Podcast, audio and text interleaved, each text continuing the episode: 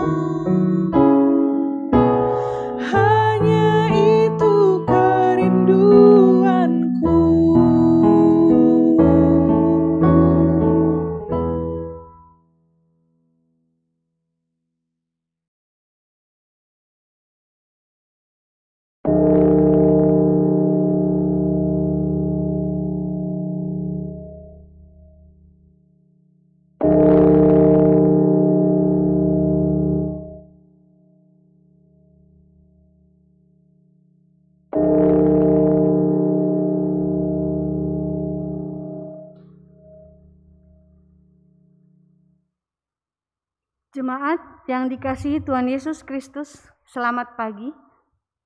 Puji syukur kita panjatkan kehadirat Tuhan yang Maha Kuasa karena begitu besar kasihnya kepada kita semua, sehingga kita boleh berkumpul dan beribadah kembali di tempat ini.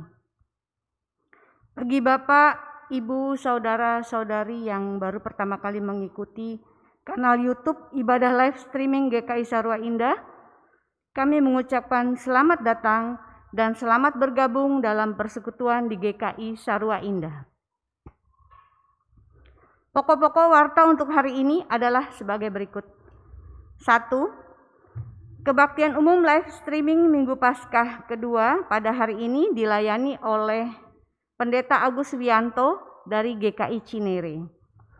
Kedua, Komisi Peribadatan dan Persekutuan PA melalui Zoom pada hari Kamis 15 April 2021 akan diadakan pada Kamis 15 April 2021 pukul 19.30 WIB dengan tema Hidup Bersama Sebagai Kristen. Bacaan dari Kisah Para Rasul 4 ayat 32 sampai 37. Pembawa firman Penatua Kristian Dewantara calon pendeta GKI Sarwa Indah. Majelis pendamping Penatua Elizabeth Bati, MC Ibu Catherine Pakpahan. Tempat Zoom virtual meeting, mohon perhatian dan partisipasi jemaat.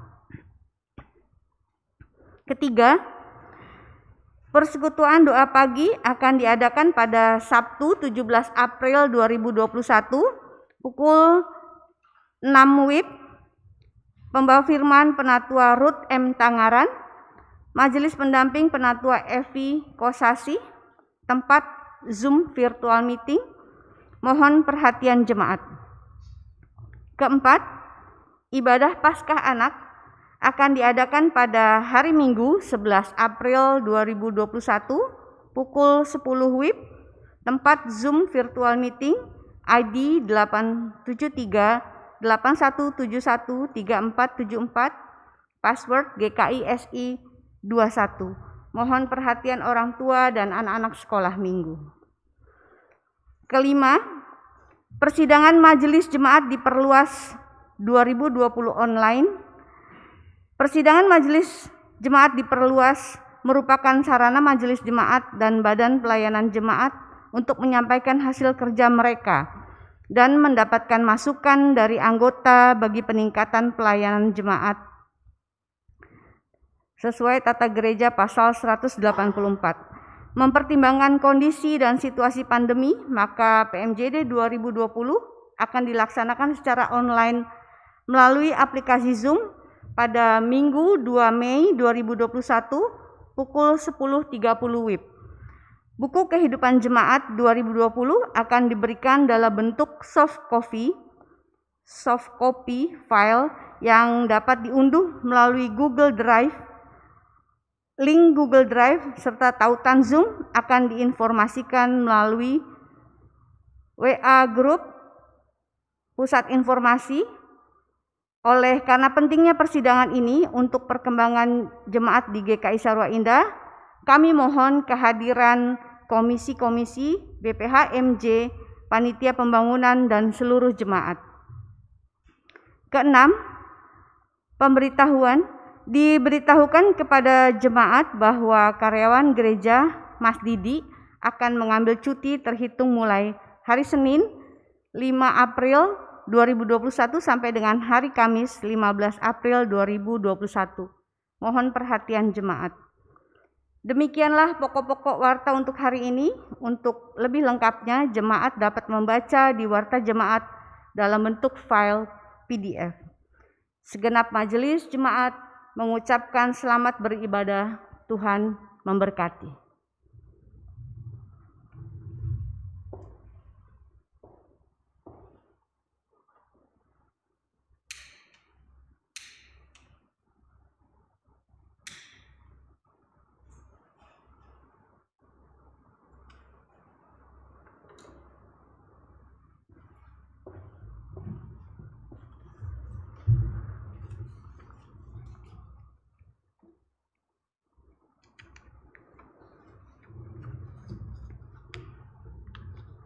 Mazmur 128 ayat 1 sampai 6.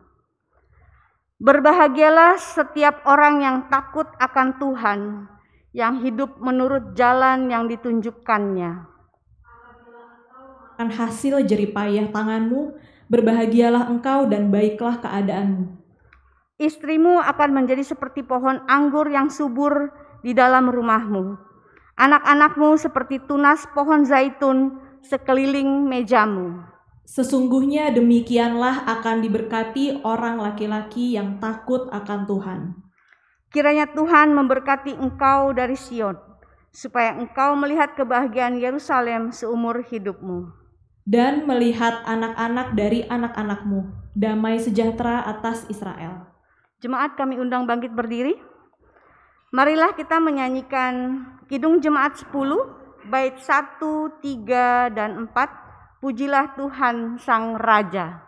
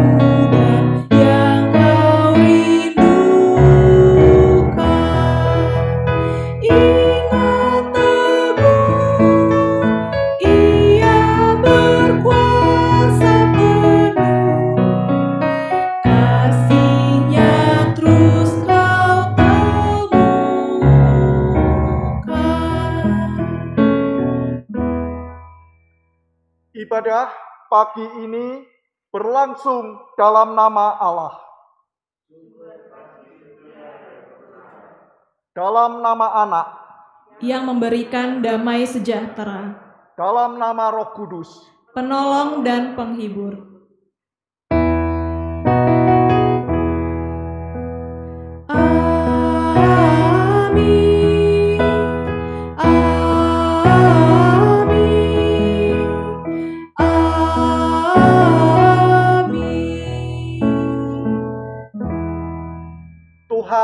Beserta saudara. Dan beserta saudara juga.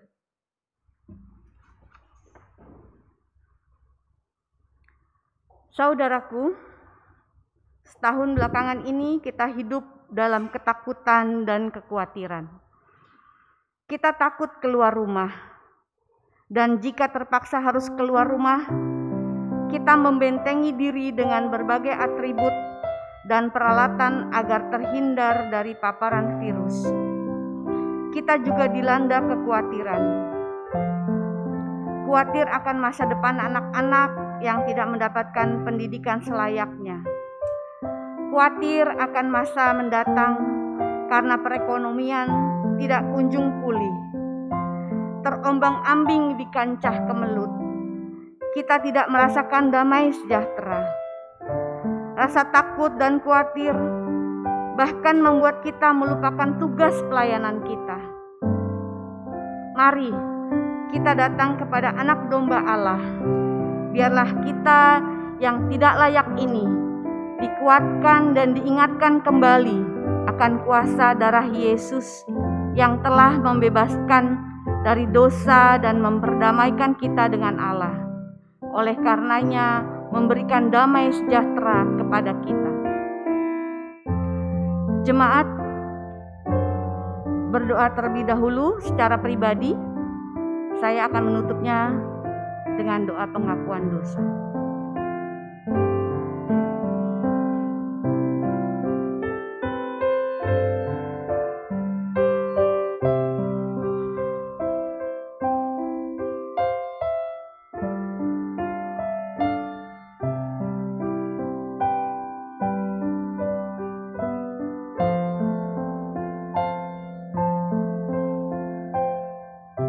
Ya Allah yang penuh kasih, dengan tertunduk penuh penyesalan. Kami datang kepadamu yang kudus ya Tuhan. Kami mau mengakui segala dosa dan kesalahan kami. Kami sering kali merasa khawatir, khawatir berlebihan akan masa depan kami, masa depan anak-anak. Khawatir akan kesehatan kami, khawatir akan kelayakan pendidikan anak-anak kami. Tuhan, ampuni kami. Kasihanilah kami orang-orang yang berdosa ini ya Tuhan. Karena kami seakan-akan lupa. Lupa akan anak domba Allah yang kudus yang turun ke dunia ini untuk menghapus segala dosa dan kesalahan kami yang akan memberikan kehidupan yang lebih baik karena Tuhanlah yang menjamin kehidupan kami. Tuhan, saat ini kami pun memohon kiranya Tuhan tetap memberikan kami semangat dalam pelayanan kami. Biarlah namamu semakin besar di muka bumi ini ya Tuhan. Kami mohonkan semua ini hanya dalam nama Tuhan Yesus Kristus, Juru Selamat kami. Amin. Mari kita menyanyikan Kidung Jemaat 27 bait 1 sampai 3 meski tak layak diriku.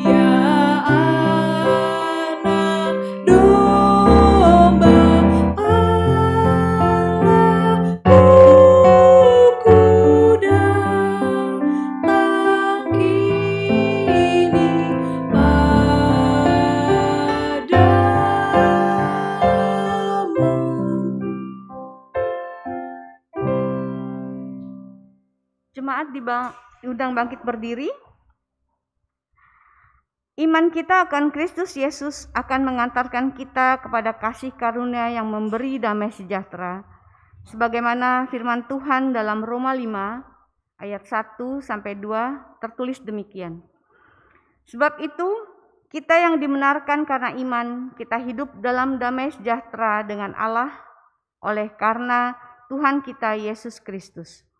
Oleh Dia kita juga beroleh jalan masuk oleh iman kepada kasih karunia ini. Di dalam kasih karunia ini kita berdiri dan kita bermegah dalam pengharapan akan menerima kemuliaan Allah. Demikianlah berita anugerah dari Tuhan. Syukur kepada Allah.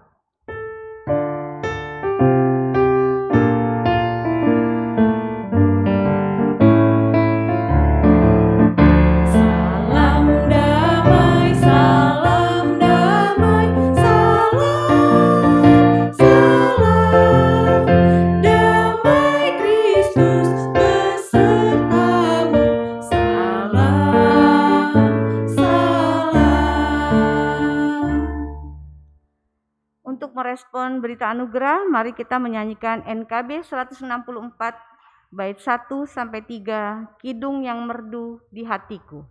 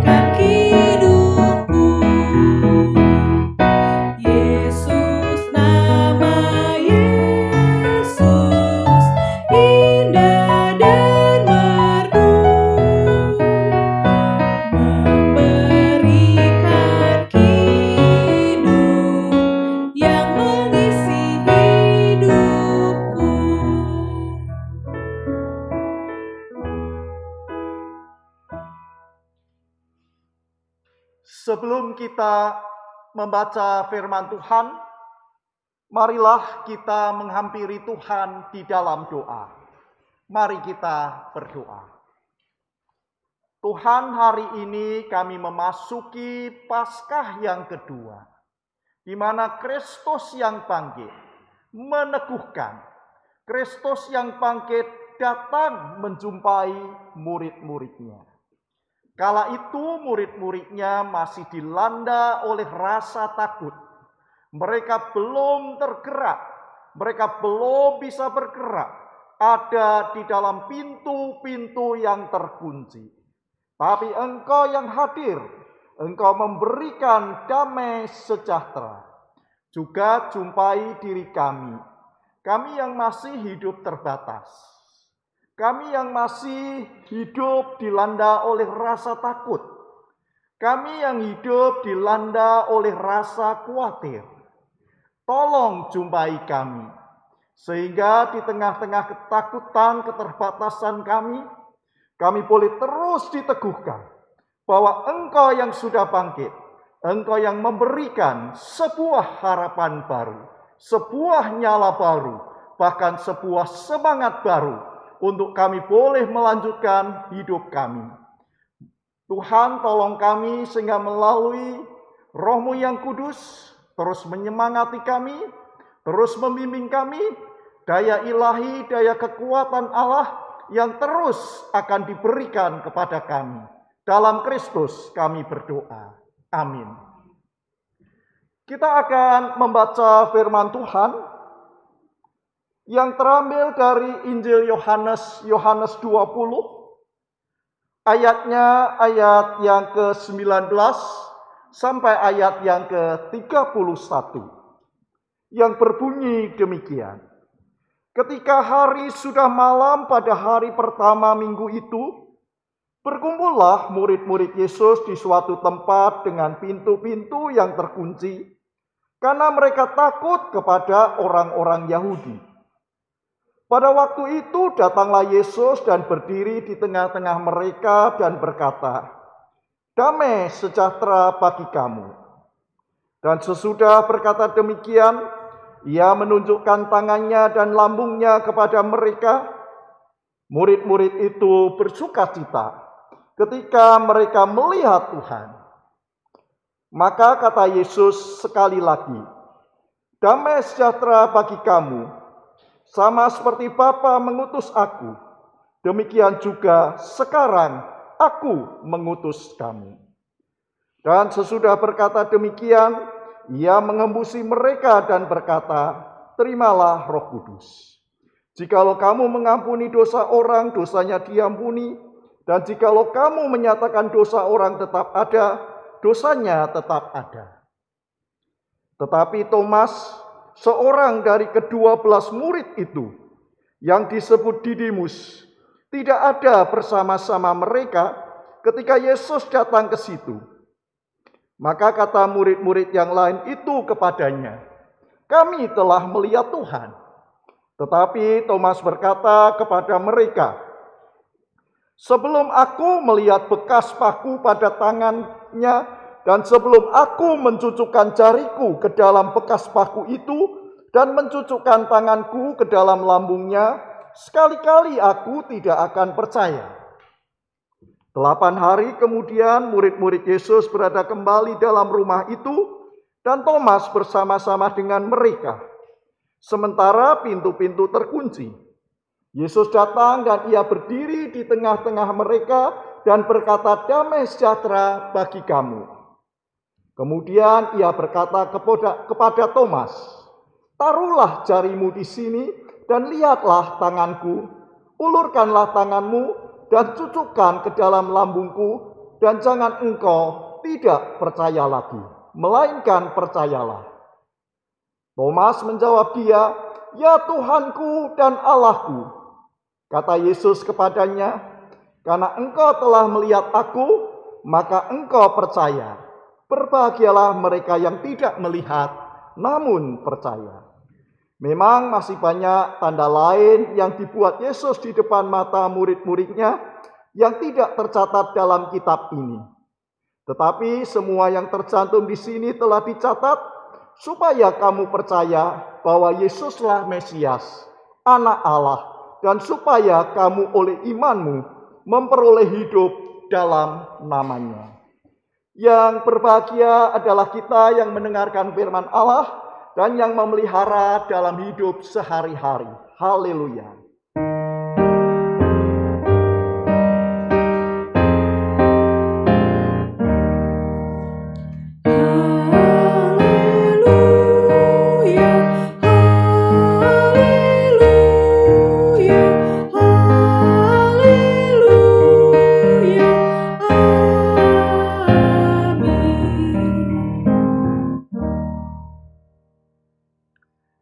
Saudara sekalian, tema hari ini adalah penerima damai sejahtera.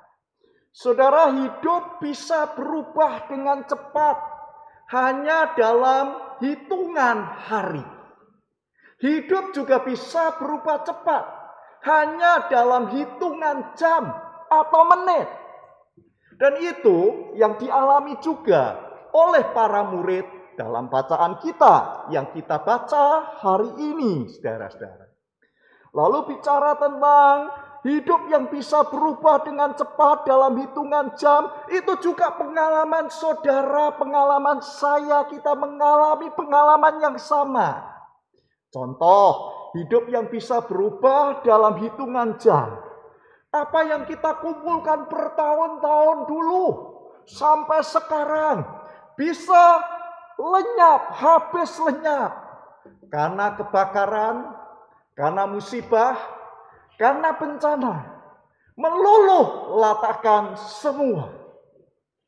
Contoh yang lain, hidup berubah karena sebuah kesalahan. Kesalahan yang dilakukan satu jam hitungannya.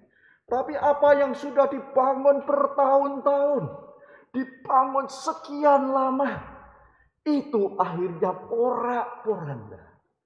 Orang yang korupsi lalu dipecat, berurusan dengan perkara masuk penjara, keluarganya sengsara, perbuatannya satu jam. Tapi efeknya, saudara-saudara, menghancurkan. Contoh lain lagi, hidup bisa berubah juga karena kesalahan kecil. Mahasiswa yang melakukan plagiat. Jadi yang diperjuangkan bertahun-tahun. Jadi mahasiswa kandas dalam sekejap. Dia bisa dikeluarkan, tidak dapat gelar. Juga itu yang terjadi dengan pengalaman para murid di sini. Saudara-saudara pengalaman para murid ikut Yesus berapa lama? Tiga tahun. Tiga tahun waktu yang lama, bukan waktu yang sebentar, dibanding dengan pengalaman tiga hari. Selama tiga tahun, para murid telah meninggalkan jalannya, meninggalkan pekerjaannya, meninggalkan kampung halamannya di daerah Galilea. Untuk apa ikut Yesus? Lalu ikut Yesus tiga tahun, mereka merasa senang Yesus yang dikagumi banyak orang. Yesus yang disanjung banyak orang. Yesus yang selalu diikuti orang banyak. Jadi mereka bangga berada di dekat Yesus ya. Mendengar pengajarannya pun mereka senang karena pengajaran Yesus sangat simpel, sangat menarik. Ada khotbah di bukit dengan delapan wejangan hidup bahagia. Ada khotbah di tanah datar, di pinggir danau dan sebagainya. Mereka juga bangga senang. Yesus bisa melakukan mujizat-mujizat ajaibnya. Menyembuhkan yang sakit. Memberi makan 5000 orang. meredakan angin ribut. Pokoknya ikut Yesus senang. Bangga. Tersanjung. Berada dekat Yesus sebagai kelompok 12 orang yang ada di ring satu, oh sangat senang. Tapi hidup mereka berubah dan diubah hanya dalam hitungan tiga hari. Tiga hari mengubahnya. Sejak kapan? Sejak hari Jumat. Yesus ditangkap. Lalu Yesus disalibkan. Lalu Yesus mati. Setelah mati Yesus dikuburkan. Sampai dengan hari ini digambarkan hari Minggu. Hilang damai sejahtera. Mengapa hanya tiga hari bisa mengubah segalanya? Karena Yesus yang disalib itu mati. Kalau Yesus mati apa gunanya ketika gurunya sudah tiada? Gurunya dikubur di dalam sebuah taman. Tidak ada lagi tangan Yesus yang penuh kasih yang bisa untuk merangkul orang berdosa. Tangan Yesus yang menyahabati para pendosa. Semua itu tinggal kenangan, tinggal suatu ingatan, tinggal suatu memori. Sejak peristiwa Yesus ditangkap tiga hari yang lalu, sampai dengan Yesus disalibkan, Yesus mati, lalu buru-buru dikubur. Minggunya memang mereka mendengar Yesus sudah bangkit, tapi belum menggerakkan langkah kakinya. Itulah simbol sebetulnya. Simbol dari orang-orang yang sudah kehilangan semangat, kehilangan antusias, kehilangan gairah lagi, tidak ada lagi pengharapan di dalamnya. Itu yang digambarkan dalam bacaan kita. Lalu kalau kita bedah bacaan kita lebih lanjut, Yohanes 20 yang kita baca ini sebetulnya ada dua bagian. Bagian pertama, saudara-saudara, masih ada yang ngumpul. Tapi ngumpul untuk apa? Sekedar kumpul-kumpul. Kumpul di mana? Kumpul di rumah. Mereka kumpul kumpul dengan rumah yang tertutup rapat, pintu-pintu terkunci. Datangnya malam makin bertambah takut. Mengapa? Karena situasi tidak aman. Sehingga hilang damai sejahtera. Tapi untunglah yang ngumpul masih banyak. Berapa orang yang ngumpul kalau dilihat di sini? Kalau minus Thomas berarti dari 11 minus 1. Jadi 10 orang masih ngumpul. 10 orang masih bersekutu. 10 orang masih saling ketemu. Tapi bacaan kita yang kedua ini mulai ayat yang ke-24 ada yang mundur, ada yang undur. Undur dari persekutuan. Istilahnya ada yang menarik diri, yang kemudian kabur, jarang nongol, kabur. Siapa yang kabur? Untung hanya satu orang. Namanya di sini Thomas. Hanya Thomas yang mundur. Mundur teratur. Menarik diri dari persekutuan. Mengapa Thomas mundur? Karena kecewa. Kecewa gurunya mati. Apa gunanya bersekutu kalau begitu? Kumpul-kumpul kalau guru yang mereka sanjung sudah mati. Inilah alasan Thomas untuk kabur dan undur. Tetapi saudara-saudara kalau dilihat, menikmati kesendirian dengan undur juga tidak happy. Tapi sebaliknya yang kumpul hanya sekedar kumpul. Ini juga tidak happy. Karena masih ada rasa takut Takut yang mencekam. Itu yang terjadi, saudara-saudara. Nah, saudara-saudara, kumpul tapi tidak bebas. Kumpul tapi nggak bisa lagi keluar, tidak bisa ke mana-mana, hidup dalam pintu yang tertutup. Takut kalau-kalau diketuk. Siapa yang mengetuk? Mahkamah Agama Yahudi atau Syahendrin yang akan menangkap mereka karena mereka adalah murid Yesus. Kalau gurunya sudah ditangkap, bisa jadi mereka menjadi sasaran berikutnya bukan? Itu saudara-saudara. Kumpul tapi hilang damai sejahtera. Kabur menyendiri. Menikmati kesendiriannya. Juga tidak happy. Saudara kalau begitu mana yang baik ya bacaan kita. Saudara ini bacaan setelah Paskah loh. Mana yang baik menurut kita? Kumpul atau kabur? Kalau kita ditanya, yang mana kita? Saudara-saudara, jawabnya dua-duanya tidak baik. Kumpul tapi hanya sekedar kumpul, tapi tidak ada rasa happy, masih dilanda rasa takut, tidak baik. Kabur menyendiri undur dari persekutuan, menarik diri, tapi juga tidak happy, juga bukan sesuatu yang baik. Apalagi situasi dari luar tidak aman. Tapi yang menarik, saudara-saudara, saya tertarik justru pada tokoh Yesusnya. Saya tertarik pada tokoh Yesus yang bangkitnya. Yesus yang bangkit justru tidak membiarkan para muridnya Baik para murid yang kumpul tapi kehilangan happy hanya sekedar kumpul-kumpul. Sampai dengan mereka yang memang benar-benar undur. Benar-benar mundur, mundur teratur. Mereka tetap diperhatikan Yesus. Lalu di sini digambarkan bacaan pertama, Yesus datang memulihkan persekutuan. Persekutuan yang seperti apa? Persekutuan yang sudah mati suri. Mati betul belum, tapi mati suri. Persekutuan yang mati suri, yang dicekam dengan ketakutan, itu yang dipulihkan. Caranya dengan apa? Dengan Yesus hadir. Hadirnya pada malam hari, melalui pintu yang terkunci. Ketika para murid takut, Yesus datang dengan kuasanya.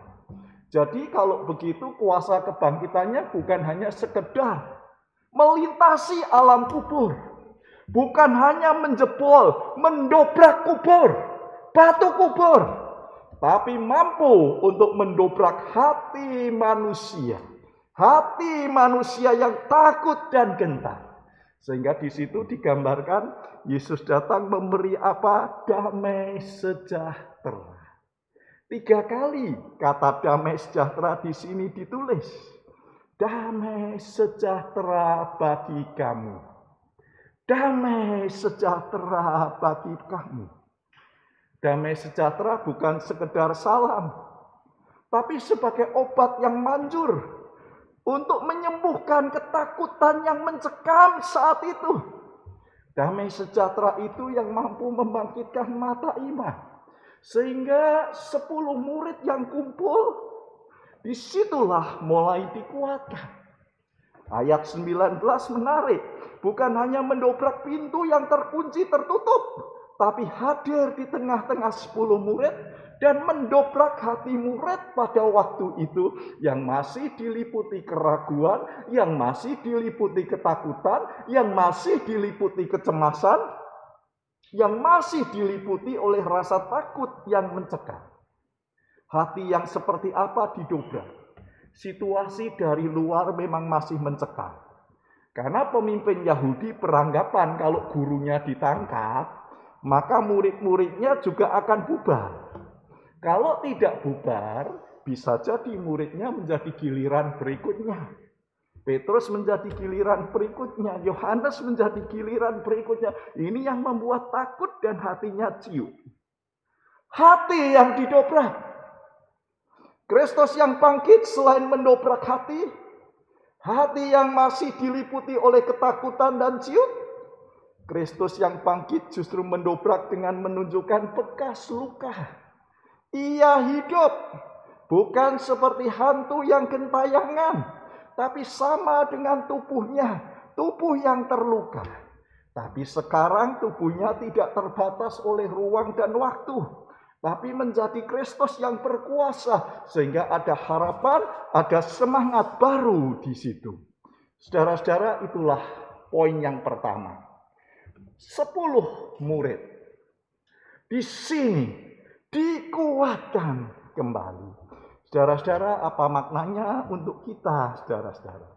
Tuhan yang bangkit tidak meninggalkan Anda. Tuhan yang bangkit tidak pernah meninggalkan kita.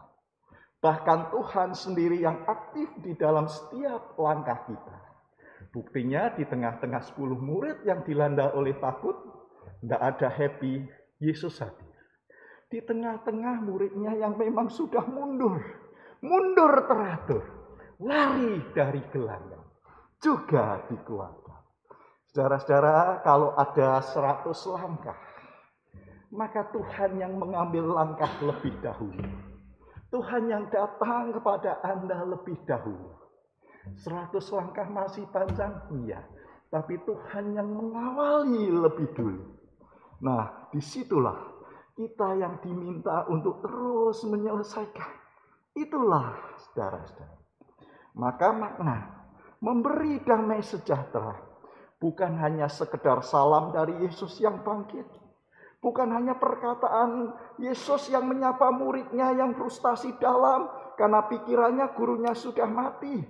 Tapi kalau Yesus memberikan damai sejahtera, dia memberikan sebuah daya kekuatan, memberikan hidup dan kehidupan.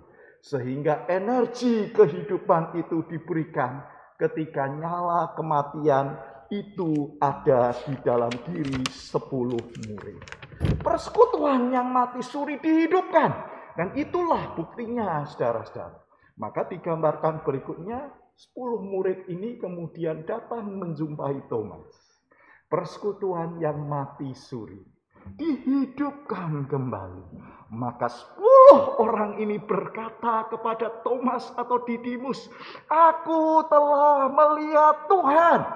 Itulah persekutuan yang dipulihkan. Itulah persekutuan yang saling memulihkan.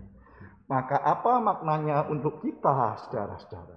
Makna kebangkitan Kristus, justru dia akan terus menyertai kita. Kalau menyertai kita seperti apa? Janjinya sudah cukup di sini. Alkitab kita, kalau kita buka kitab kejadian, dimulai dengan pada mulanya. Apa pada mulanya? Pada mulanya Allah berkuasa. Kuasanya itu dahsyat. Dahsyatnya seperti apa? Menjadikan terang. Dan kehidupan. Itulah kalimat pertama dari Alkitab kita. Dan yang kalimat terakhir di Wahyu, kalau saudara baca di situ, kalimat terakhir ngomongnya apa? Amin. Aku percaya, aku meyakini, aku mengamini bahwa Allah berkuasa. Lalu kalau saudara coba lihat frase-frase Alkitab kita, itu kata jangan takut muncul. Dan kalau dihitung, dihitung jumlahnya 365 kali. Apa artinya? Sama dengan hari-hari dalam setahun. Jadi begitu gentar. Jangan takut. Begitu kita memasuki kehidupan yang rasanya tidak jelas, jangan takut. Dan ini yang ditegaskan sekali lagi oleh Yesus yang bangkit. Dia hadir memberi damai sejahtera. Nah, saudara-saudara yang dikasih oleh Tuhan, justru di situlah kita boleh dikuatkan sebagai sebuah persekutuan. Sehingga persekutuan yang mati suri boleh terus dihidupkan saat ini saudara-saudara di tengah-tengah keterbatasan kita.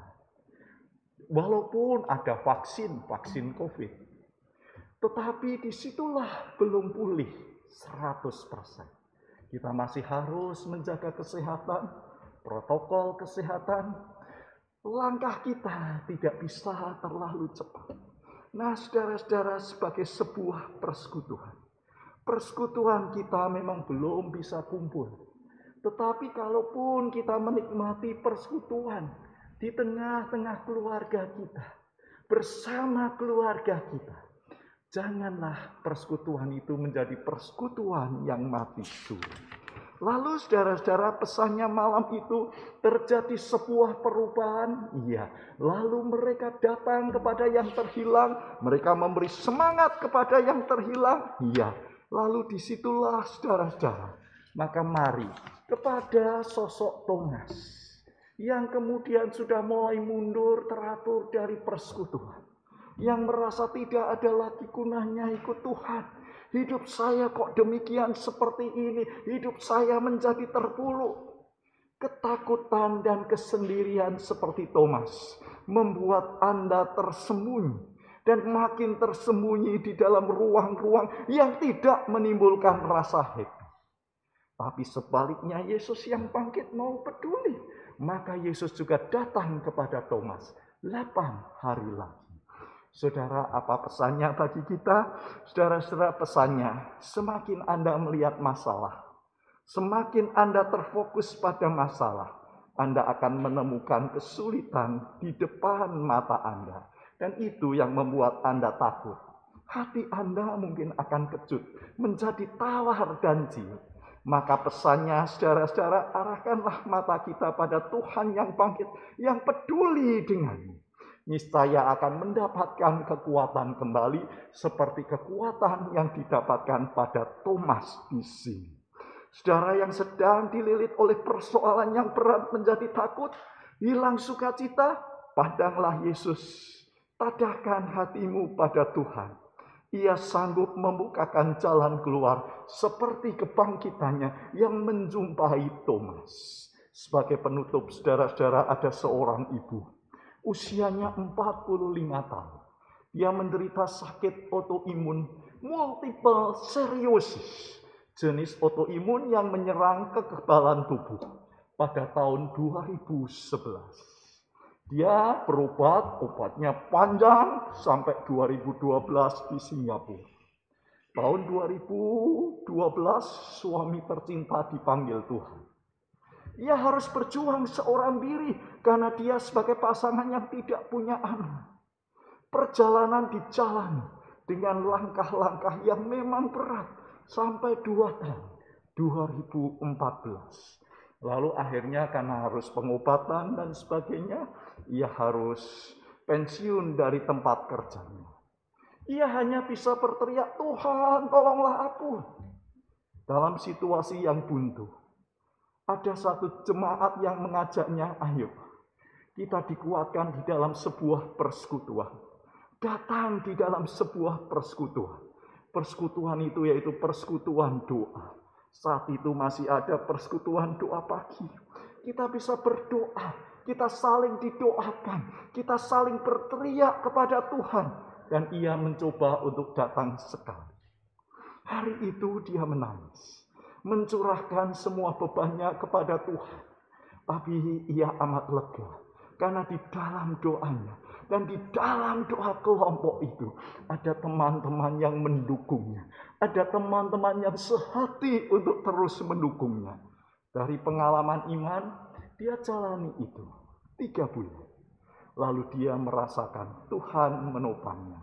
Ketika tidak ada lagi sandaran, Ketika pasangan dipanggil Tuhan, siapa yang bisa dipegang? Tuhan yang mempunyai lengan-lengan kekal tempat dia bersandar. Ceritanya 2018 saat dia merayakan ulang tahunnya. Dia mengatakan hanya anugerahnya. Anugerah yang ajaib. Yang menyertai saya. Dan Tuhan selalu menuntun saya. Itulah saudara-saudara. Ketika seseorang mulai undur seperti Thomas, Tuhan yang bangkit justru mencari Anda dan kita akan terus dipulihkan. Maka Tuhan memberkati kita. Amin. Saatnya kita masuk dalam saat hening. Setelah saat hening ada persembahan pujian dari Acah yang akan mempersembahkan pujiannya.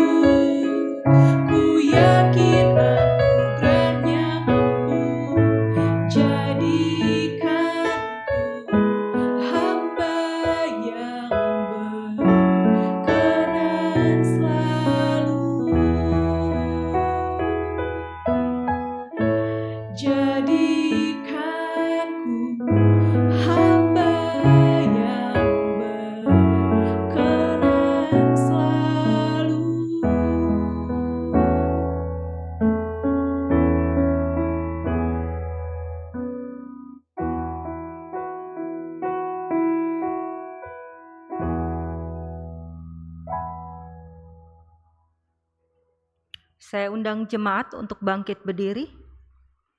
Marilah kita bersama dengan umat Allah di masa lalu, masa kini, dan masa depan, mengingat pengakuan pada baptisan kita menurut pengakuan iman rasuli. Aku percaya kepada Allah Bapa yang Maha Kuasa, Halik langit dan bumi, dan kepada Yesus Kristus, anaknya yang tunggal Tuhan kita, yang dikandung daripada roh kudus, lahir dari anak darah Maria, yang menderita sengsara di bawah pemerintahan Pontius Pilatus, disalibkan, mati dan dikuburkan, turun dalam kerajaan maut. Pada hari yang ketiga, bangkit pula dari antara orang-orang mati, naik ke surga, duduk di sebelah kanan Allah, Bapa yang Maha Kuasa. Dan dari sana ia akan datang untuk menghakimi orang yang hidup dan yang mati. Aku percaya kepada roh kudus, gereja yang kudus dan am, persekutuan orang kudus, pengampunan dosa, kebangkitan orang mati, dan hidup yang kekal. Amin. Saya persilakan untuk duduk. Mari kita bersatu dalam doa. Ya Tuhan Allah Bapa yang Maha Kuasa, kami bersyukur karena Engkau telah memberikan kami gedung sekretariat yang boleh kami manfaatkan juga sebagai tempat beribadah. Kami juga bersyukur ya Bapa untuk kerjasama kami dengan Yayasan Sekolah Indah, Nusa Indah. Kami juga bersyukur untuk lahan yang Engkau berikan kepada kami. Tuntun kami dengan kuasa Roh Kudus agar kami dapat memanfaatkannya dengan benar. Kami memohon ya Bapa, kiranya Engkau berkenan memberikan kami izin IPL dan IMB untuk lahan di Nusa Loka. Allah Bapa kami surga, inilah doa, syukur, dan permohonan yang kami alaskan di dalam nama Tuhan Yesus Kristus. Tuhan kami ingin melanjutkan syafaat kami saat ini. Tuhan semangati kami, tolong kami, dan pimpin kami. Kami yang boleh merayakan Paskah yang kedua, kami boleh dikuatkan kalau Yesus yang bangkit memulihkan persekutuan. Dia datang di tengah-tengah persekutuan yang mati suri. Dia juga datang kepada pribadi-pribadi yang mulai undur, undur dari persekutuan dan menguatkan kembali. Biarlah ya Tuhan, Engkau yang boleh terus juga menguatkan kami. Tolong Tuhan di dalam pergumulan-pergumulan kami. Ya Tuhan, Engkau boleh terus kuatkan kami. Saat ini kami mau berdoa untuk Christian Dewantara. Tuhan yang boleh terus lancarkan setiap proses yang dilakukan. Sehingga bersama-sama dengan GKI Sarua Indah, bersama-sama dengan jemaat, bersama-sama dengan badan-badan pelayanan, bolehlah Christian Dewantara boleh terus bertumbuh di dalamnya. Ya Tuhan, Engkau sendiri yang boleh mempersiapkan sehingga melalui proses-proses yang dilalui sebagai calon pendeta, Engkau sendiri yang akan terus melancarkannya. Berkati ya Tuhan untuk saudara-saudara kami yang berulang tahun. Kami berdoa untuk saudari Tesalonika Sewulandari pada tanggal 11 April, Ibu Maria Goretti 13 April, Ibu Nikade Wiryanti tanggal 14 April, Ibu Sri Amalo 14 April, Saudari Anggun Lintang Indah Suari 15 April, Bapak Bambang Santoso 16 April, Penatua Sahala Lumban Raja 16 April dan Ibu Webster N. Siakian tanggal 17 April. Tuhan Engkau setia, Engkau yang senantiasa menopang kami, sehingga saudara-saudara yang berulang tahun boleh terus bersuka cita di dalam Engkau. Engkau boleh terus memberikan kekuatan, kesehatan, dan sukacita di dalamnya. Tuhan kami ingin berdoa untuk saudara-saudara kami yang sakit, yang terganggu kesehatannya. Secara khusus untuk Ibu Mami Palon, Ibu Sarah Jaya Sumadi, Ibu Hana Panjaitan, Ibu Yulia Kristianti, Ibu Virginia Samanta Sapang, Bapak Christian Huta Galung, Ibu Nike Elizabeth Buki, Bapak Wahyu Hidayat, dan Ibu Yohana Triati, Ayah dan Ibu Christian Dewantara, Ibu Leni Hutapea, Bapak Rudi Pasaribu, Ibu Eslon Siagian, Ibu Maria Magdalena, Ibu Hartati Sembiring, Bapak Tambun Bangun. Tuhan di tengah-tengah sakitnya, Engkau yang boleh terus topang, Engkau boleh terus beri kekuatan, berkati sarana-sarana medis, obat-obatan yang dipergunakan, sehingga itu semua menjadi sarana Tuhan bekerja menyempurnakannya. Tuhan kami datang kepadamu dengan pergumulan-pergumulan hidup kami, Engkau boleh senantiasa menolong kami dan menguatkan kami. Tuhan sertai kaulah muda mereka yang ada dengan pergumulan-pergumulan mereka, topanglah mereka. Bapak kami ingin menyerahkan juga untuk penatua, badan-badan pelayanan yang ada di GKI Sarua. Engkau boleh terus berikan sukacita di dalam pelayanan. Kami mau berdoa untuk pemerintah bangsa dan negara kami, Pimpinlah para pemimpin kami dari pusat sampai ke daerah. Berkati mereka Tuhan dengan roh dan hikmat dan kebijakan yang Tuhan boleh terus tambahkan kepada mereka. Tuhan kami ingin mendaraskan doa seperti Kristus ajarkan kepada kami.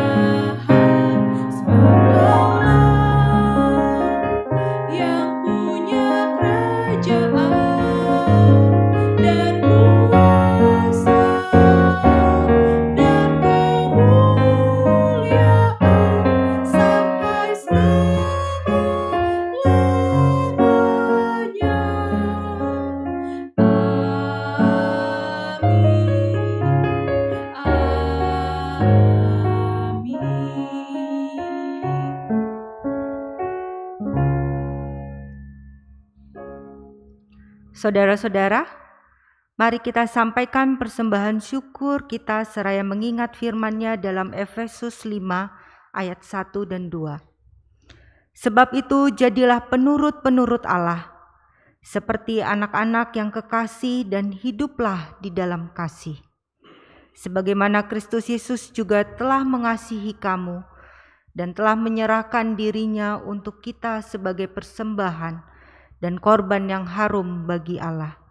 Kita sambut persembahan kita dengan menyanyikan PKJ 152 bait pertama sampai dengan ketiga. Padamu Tuhan, kuserahkan jiwa ragaku. menjadi hamba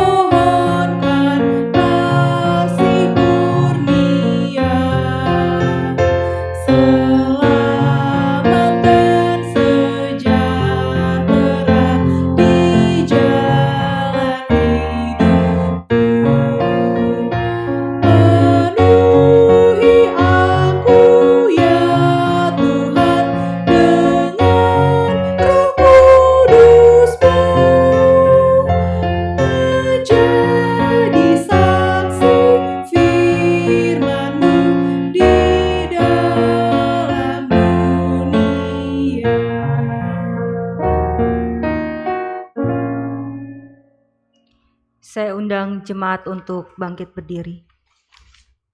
Mari kita bersatu di dalam doa. Ya Allah Bapa, terima kasih atas anugerah yang telah Kau berikan dalam kehidupan kami. Terima kasih atas penyertaan yang tak henti-hentinya Kau curahkan kepada kami. Tuhan, kini kami mengungkapkan syukur atas berkat-berkat-Mu. Kami sangat mengerti bahwa ini semua tak sebanding dengan anugerah-Mu. Namun Tuhan, terimalah karena dengan setulus hati kami mempersembahkan ini semua. Ini doa ucapan syukur kami mengiringi persembahan yang telah kami kumpulkan. Kami berdoa di dalam nama Tuhan Yesus Kristus. Amin.